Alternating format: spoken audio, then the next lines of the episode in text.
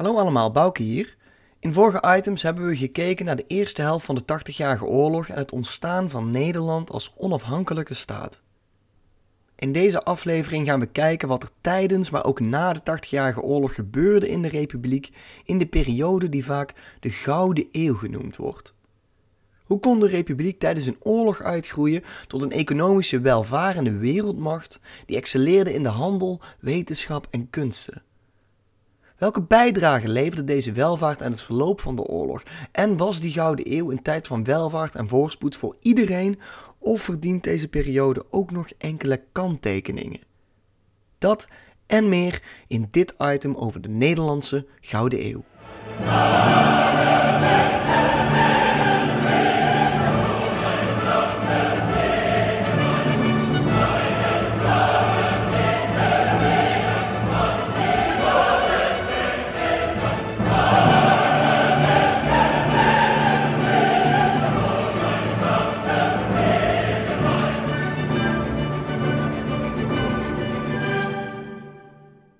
We denken aan de Gouden Eeuw komen er allerlei associaties naar boven. Bijvoorbeeld Rembrandt van Rijn, die in zijn atelier bij kaarslicht op een steiger vlijtig werkt aan zijn meesterstuk De Compagnie van kapitein Frans Banning-Kok en de luitenant Willem van Ruitenburg maakt zich gereed om uit te marcheren, beter bekend als De Nachtwacht. Een schutterstuk betaald door een steenrijk herengezelschap. Of misschien denk je aan tandloze matrozen die druk bezig zijn hun schip op te tuigen voor weer een reis naar de Oost, waarna zij onder de vlag van de VOC en een lange reis met kruiden en specerijen terugkomen in Amsterdam om ze daar met veel winst te verkopen. We zien werklui en kruiers die deze koopwaar vervolgens naar de van fraaie gevels voorziene grachtenpanden torsen om ze daar op te slaan in pakhuizen totdat de prijs gunstig is ze op de markt te brengen. Schrijver Vondel die zwetend boven een vel papier hangt om met zijn ganzenveer de laatste hand te leggen aan zijn toneelstuk Gijsbrecht van Amstel wetenschapper Antonie van Leeuwenhoek, die met zijn zelfbedachte microscoop micro-organismen ontdekt in zijn speeksel. Of de schilder Vermeer, die met één enkele penseelveeg op zijn doek glans geeft aan een parel in de oor van een mysterieus meisje die eeuwen later hordes Japanse toeristen in vervoering zal brengen.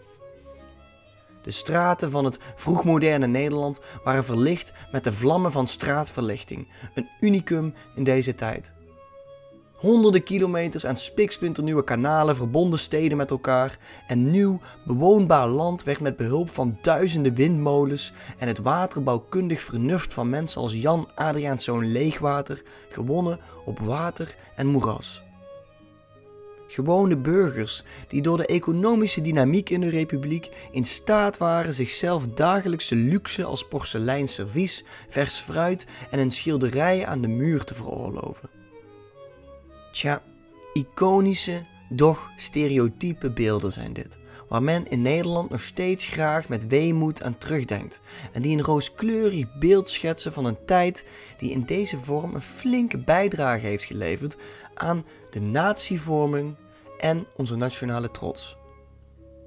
Vooral in de romantische en nostalgische 19e eeuw werd de 17e Gouden Eeuw in de markt gezet als een glorieuze periode waarin Nederland tot wasdom kwam, waarin iedereen het goed had en onze nationale ziel tot volmaaktheid kwam. Verhalen blijven echter verhalen. En wat goed is voor de een, kan ook nadelige gevolgen hebben voor de ander. En dat was in de 17e eeuw natuurlijk niet anders. Toen de Spanjaarden in het jaar 1585 Antwerpen veroverden, trokken de meeste kooplieden en welvarende burgers noordwaarts. Steden als Middelburg verdubbelden hierdoor in inwonersaantal. Antwerpen was tot dan toe de meest belangrijke handelsstad ten noorden van de Alpen geweest. Na 1585 viel Amsterdam deze eer te beurt. Met de komst van de vele buitenlandse handelaren en hun netwerken groeide de stad in korte tijd enorm. Deze nieuwe elite nestelde zich binnen één generatie geriefelijk in de republiek. Miljoenen Nederlanders op dit moment stammen nog steeds af van deze vluchtelingen en grote Nederlanders als Frans Hals waren een van hen. Al deze instroom van kapitaal en kennis had een aanzuigende werking. De Brabanders en Vlamingen waren niet de enige nieuwkomers in Holland en Zeeland. Ook Scandinaviërs en Duitsers op zoek naar een beter leven of op de vlucht voor godsdienstoorlogen migreerden naar Nederland. Er waren veel arbeidskrachten nodig in deze tijd en steden concurreerden met elkaar om migranten aan te trekken. Deze immigranten hadden vaak weinig geld en werden geronseld door zeeondernemingen, oftewel compagnieën, om als matroos te dienen op handelsschepen die vaak levensgevaarlijk waren. Deze matrozen werden met wurgcontracten verbonden aan hun bazen. Het overtreden van de termen van het contract werd bestraft met lijfstraffen. Maar toch bleven de zeelieden komen. En dat zegt iets over de armoede en wanhoop in de lagere sociale contraien van de maatschappij die in de republiek aan het ontstaan was. En daarbij hoort een burgerschapsbubbel, want ja, migratie is iets van alle tijden. Mensen zijn constant op zoek geweest naar plaatsen op de wereld waar zij in staat zijn een betere toekomst voor henzelf en hun kinderen op te bouwen. Dat is tegenwoordig, net zoals in de tijd van de Republiek, niet anders. Mensen zoeken de plaatsen op waar werk, welvaart en daarmee toekomst is. Door die invloeden van mensen uit andere gebieden kunnen er mooie dingen ontstaan, zoals de uitwisseling van ideeën, producten en tradities. Ook brengen ze uitdagingen met zich mee. Het is lang niet altijd gemakkelijk om je open te stellen voor andere mensen en ideeën. Ook nu zien we dat de handel nog steeds profiteert van mensen die op zoek zijn naar welvaart. Je kunt hierbij denken aan de productie van kleding bijvoorbeeld in lage lonenlanden, waarbij kinderarbeid niet altijd wordt geschuwd maar ook door producenten van elektronica die hun technische ontwerp maken in het Westen, waarna arbeiders in andere landen tegen laag loon, soms wel 14 uur per dag aan de lopende band, die ontwerpen moeten produceren. De meeste mensen die op zoek zijn naar welvaart worden nog steeds ingezet als het werkvolk van het kapitaal. Een verschijnsel dat dus niet uniek is voor de Nederlandse Gouden Eeuw, maar nu nog steeds voorkomt, zij het in een andere vorm. Na de val van Antwerpen ontpopt Holland zich als het prominentste gewest van de Republiek. De belangrijkste inkomstenbron van Holland is op dat moment de zogenaamde moedernegotie. Negotie is een ander woord voor handel. Dat betekent dus letterlijk moeder van alle handel. Deze moedernegotie werd al sinds de middeleeuwen bedreven met de gebieden rond de Oostzee, van Duitsland tot het Balticum. Handel in graan en hout vormde de kern van deze handel bulkgoederen die in opslag lang goed bleven ten behoeve van de stapelmarkt. De inkomsten van de moedernegotie vormden de ruggengraat van de groei van de republiek, met de stad Amsterdam steeds meer in een voortrekkersrol. De handelsvloot van de republiek groeide in deze jaren dusdanig dat hij groter werd dan de Engelse en de Franse vloten samen. De Hollandse zeelui probeerden na de val van Antwerpen ook de specerijenhandel van de Portugezen over te nemen. Daarmee kwam het ook in Indië tot een confrontatie met de Spaanse koning, omdat die ook op de Portugese troon zetelde. Geleidelijk werd met geweld de handelsroutes, forten en de contacten van de Portugezen ingepikt. Uiteindelijk gingen ook andere Nederlandse kooplui op eigen initiatief naar Oost-Indië varen. Die reis duurde al snel 7 tot 8 maanden. De eerste reis, onder leiding van Cornelis de Houtman, bleek winstgevend te zijn, waarna steeds meer kleine ondernemingjes zijn voorbeeld gingen volgen. Het leven op zee was zwaar en de bemanning ging vaak gebukt onder tekorten, honger en ziekte. In eerste instantie stierf twee derde van alle mensen op deze tochten naar de oost. Later werd op 4 à 5 maanden varen vanaf Nederland in Zuid-Afrika de Kaap de Goede Hoop-kolonie gesticht, waar schepen zich konden herbevoorraden voor de verdere zeereis naar Indië. In het gedrang om grip te krijgen op de winstgevende specerijenhandel zaten verschillende Nederlandse compagnieën, die soms niet meer dan georganiseerde piraten waren, elkaar nog wel eens in de weg. Om deze concurrentie te voorkomen richtte de Republiek in het jaar 1602 op initiatief van Johan van Oldenbarneveld de Verenigde Oost-Indische Compagnie op. Dit megabedrijf kreeg ten koste van de lokale bevolking en de Portugezen het monopolie op de handel in specerijen in handen. De VOC werd zelfs door de Staten-Generaal gemachtigd om forten te bouwen, oorlog te voeren en verdragen te sluiten in de Oost. De octrooi op de handel in Oost-Indië maakte van de VOC een min of meer op zichzelf opererende partij. Een soort drijvende overheid dat haar eigen beslissingen mocht nemen in de Oost. En daar heb ik een fantastisch feitje bij. De VOC was het eerste bedrijf dat als aandeelhoudersmaatschappij was georganiseerd. Ofwel een naamloos vennootschap, of NW, waar niet één persoon of familie de eigenaar van was, maar een in theorie oneindige groep mensen, aandeelhouders. Investeren in een reis naar Oost-Indië was een risicovolle onderneming die veel geld kostte. Als de reis misliep, kon je al je geld verliezen. De VOC had hier wat opgevonden. Je kon aandelen kopen, een stukje van een schip, de reis en de vracht betalen in ruil voor een schuldbekentenis op papier. Als de reis succesvol was, deelde je mee in de winsten. Mocht je voordat het schip terug was in geldnood verkeren, kon je deze aandelen gemakkelijk verhandelen op de beurs en kon een ander jouw aandeel kopen. Dit betekende dat het investeren in handelsreizen naar de Oost niet alleen maar was weggelegd voor de allerrijkste mensen. Ook gewone burgers met wat geld konden nu een aandeel kopen en op die manier meedelen in de welvaart bij een succesvolle reis. Maar net als met de handel in aandelen tegenwoordig verloren mensen ook veel geld als een schip zonk of als piraten of de Spanjaarden de vracht buitmaakten. Het is niet overdreven om te zeggen dat de VOC als NV het begin is van onze moderne financiële markt gebaseerd op aandelen. Het belang van de VOC in Oost-Indië, het tegenwoordige Indonesië, groeide gestaag. De Portugezen werden verjaagd en er werd een nieuw handelscentrum gevestigd in de stad Batavia. En delen van Java en de Molukken kwamen onder direct gezag van de VOC. Er verschenen diverse forten in Malakka, India en Ceylon bijvoorbeeld, van waaruit de VOC handel dreef.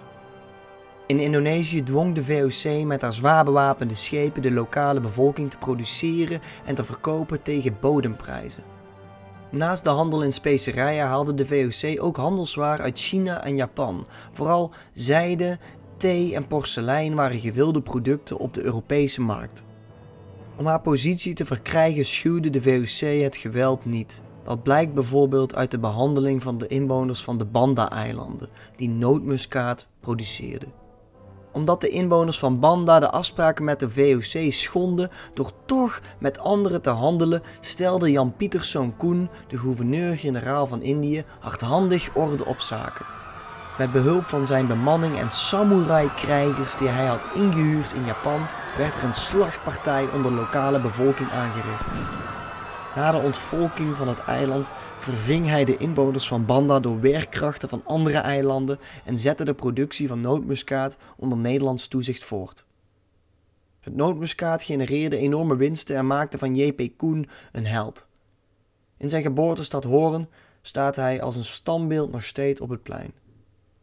Onder het standbeeld staat een bordje dat herinnert aan de moord op zo'n 3000 Bandanezen in zijn naam. De productie van de specerijen, het werk in de houtzagerijen en in de verven in Indië werd vooral gedaan door lokale boeren en mensen die door de VOC als slaaf werden gebruikt. Slavernij bestond al honderden jaren in Oost-Indië, maar de VOC bracht de schaal ervan naar een nieuw niveau. De VOC, maar ook particuliere Nederlanders handelden in mensen voor een extra zakcentje. In de Republiek was slavernij verboden, waardoor het in Nederland enigszins verborgen werd gehouden. De VOC kreeg hiermee twee gezichten: handelsorganisatie thuis en een militaire overheid in Indië. De VOC werd het grootste bedrijf ter wereld. In vergelijkend perspectief met nu zelfs zo groot dat Apple, dat tegenwoordig het waardevolste bedrijf op aarde is, slechts 11% van de waarde heeft van de VOC destijds. Vooral de ongeveer ja, 100 regentenfamilies, de allerrijkste mensen in Nederland, profiteerden mee van de winsten van de VOC. Naast de handelspositie in het oosten oriënteerde de republiek zich ook op het westen. De West-Indische Compagnie moest de concurrentie met de Portugezen en Spanjaarden in Afrika en de Amerika's aangaan. Maar door de onderhandelingen over de gevechtspauze in de oorlog met Spanje, het twaalfjarig bestand, verdwenen deze plannen even in de ijskast. Toen in het jaar 1621 het bestand werd opgeheven, werd direct de WIC opgericht. In tegenstelling tot de VOC was de WIC veel meer gericht op het voeren van oorlog en het kapen van andere schepen. Dit deden ze niet op eigen initiatief, maar vooral op dat van de Staten-Generaal. Een van de meest tot de verbeelding sprekende wapenfeiten van de WIC was de onderschepping van de Spaanse zilvervloot door Piet Hein in 1628. Hiermee deelde de Republiek een flinke klap uit aan de Spaanse economie, die het toch al zo lastig had om haar troepen op tijd te betalen. In 1634 werden Aruba, Bonaire en Curaçao veroverd op de Spanjaarden. Verdere pogingen tot het stichten van koloniën door de WIC waren weinig succesvol. Het meeste geld werd verdiend met de driehoekshandel in slaven. Hierbij voeren de schepen van de WIC in een soort driehoek over de Atlantische Oceaan.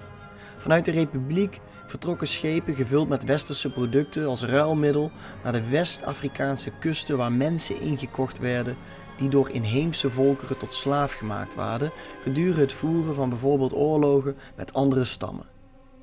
Deze slaven werden samengebracht in forten van waaruit de WIC ze in propvolle slavenschepen transporteerde naar het Caribisch gebied. Hier werd de koopwaar, zoals de tot slaaf gemaakte mensen werden gezien, verkocht om te gaan werken op de plantages in het Caribisch gebied of Noord-Amerika. Vanuit het westen voeren de schepen van de WUC bepakt met goederen uit de nieuwe wereld zoals rietsuiker, koffie en katoen weer terug naar de Republiek. Een kleine groep uit de Nederlandse elite werd schathemeltje rijk van de WIC. Maar de West-Indische Compagnie zou slechts een fractie van het economische succes van de VOC oosten. Nederland heeft ongeveer 600.000 Afrikaanse slaven verhandeld. Het Nederlandse deel van de transatlantische slavenhandel beslaat zo'n 5 tot 7 procent van het totaal aantal mensen dat is verscheept van de 16e tot en met de 19e eeuw. Nederland was een van de laatste landen die de slavenhandel verbood in het jaar 1863. Meer over Nederland, de wereld en slavernij bespreken we in een later item. Zowel in de Oost als in de West floreerden de handelspraktijken van de Verenigde Nederlanden. Een parallel die we kunnen trekken met het heden is dat plaatsen die welvarend zijn vaak mensen aantrekken die op zoek zijn naar welvaart en een beter bestaan.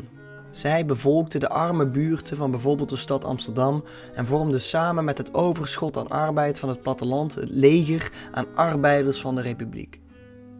Naast arbeiders en gelukzoekers trok de welvaart ook ambachtslieden aan, die graag hun vaardigheden aanwenden voor de gefortuneerde handelaren in de Republiek. Voor hen werd op bestelling de meest mooie kunstvoorwerpen geproduceerd. Mannen zoals Rembrandt van Rijn, Johannes Vermeer en Frans Hals zorgden voor een revolutie in de schilderkunst door de toepassing van nieuwe optische technieken. Ook de literaire kunsten tierden welig, omdat de Republiek ook een plek was waar andersdenkenden terecht konden zonder bang te hoeven zijn te worden vervolgd voor wat ze schreven. Dichters als Jacob Cats en Joost van de Vondel, maar ook denkers als Spinoza, de Franse filosoof Descartes en Hugo de Groot, konden hier hun werken publiceren zonder bang te hoeven zijn voor de lokale machthebbers. Althans, voor even was dat het klimaat in de Republiek. Deze laatste, Hugo de Groot, zou in de problemen komen door zijn nauwe betrekkingen met Van Oldenbarneveld, toen deze laatste ruzie kreeg met de stadhouder Maurits. Hiervoor verwijzen we je graag naar een vorig item. We hebben gezien dat er in de 17e eeuw veel gebeurde in de Republiek wat men heden ten dagen nog steeds beschouwt als mooi en waar men trots op is. De ontwikkeling van de kunsten, het bouwen van grachtenpanden en een bloeiende handel. We gaan er echter niet langer aan voorbij dat al deze wapenfeiten een prijs kenden. Een prijs waar sommigen liever niet aan herinnerd willen worden. De bloei van Amsterdam ging bijvoorbeeld onder andere ten koste van de inheemse bevolkingen van de Oost. Daarnaast hebben handelaren in de Republiek geprofiteerd van de verkoop van mensen als handelswaar. Maar ook in de Republiek zelf was er een grote groep mensen die in armoede en ellende leefden, om nog maar te zwijgen over de inwoners aan de grenzen van dit nieuwe land, waar de 80-jarige oorlog tot 1648 gewoon doorging en ze teisterde met vernielingen, oorlogsgeweld en plunderingen. De Gouden Eeuw is daarmee een titel die slechts van toepassing is op een handjevol rijken in de Republiek. Zij hadden het geld om de kunst en wetenschap te laten floreren. Zij konden zich immers laten portretteren of mooie gebouwen laten bouwen zoals de Amsterdamse grachtengordel en het stadhuis op de Dam, dat destijds het grootste gebouw op aarde was. En de rest van de mensen, ja, die konden alleen maar dromen van de luxe en de weelde van de rijke bovenlaag. De houten huizen van de armen, het zwoegen van de slaven en de levens van de massa zijn weggevaagd door de tijd. Zouden zij de 17e eeuw ook als goud hebben bestempeld? De term Gouden Eeuw is daarom ook een relatief begrip dat we in zijn tijd en context moeten zien. Daarmee is het begrip echter ook weer niet meteen verouderd. We moeten onszelf blijven uitdagen en we moeten de taal die we gebruiken op de weegschaal blijven leggen. Dat ter overpeinzing. Tot de volgende keer.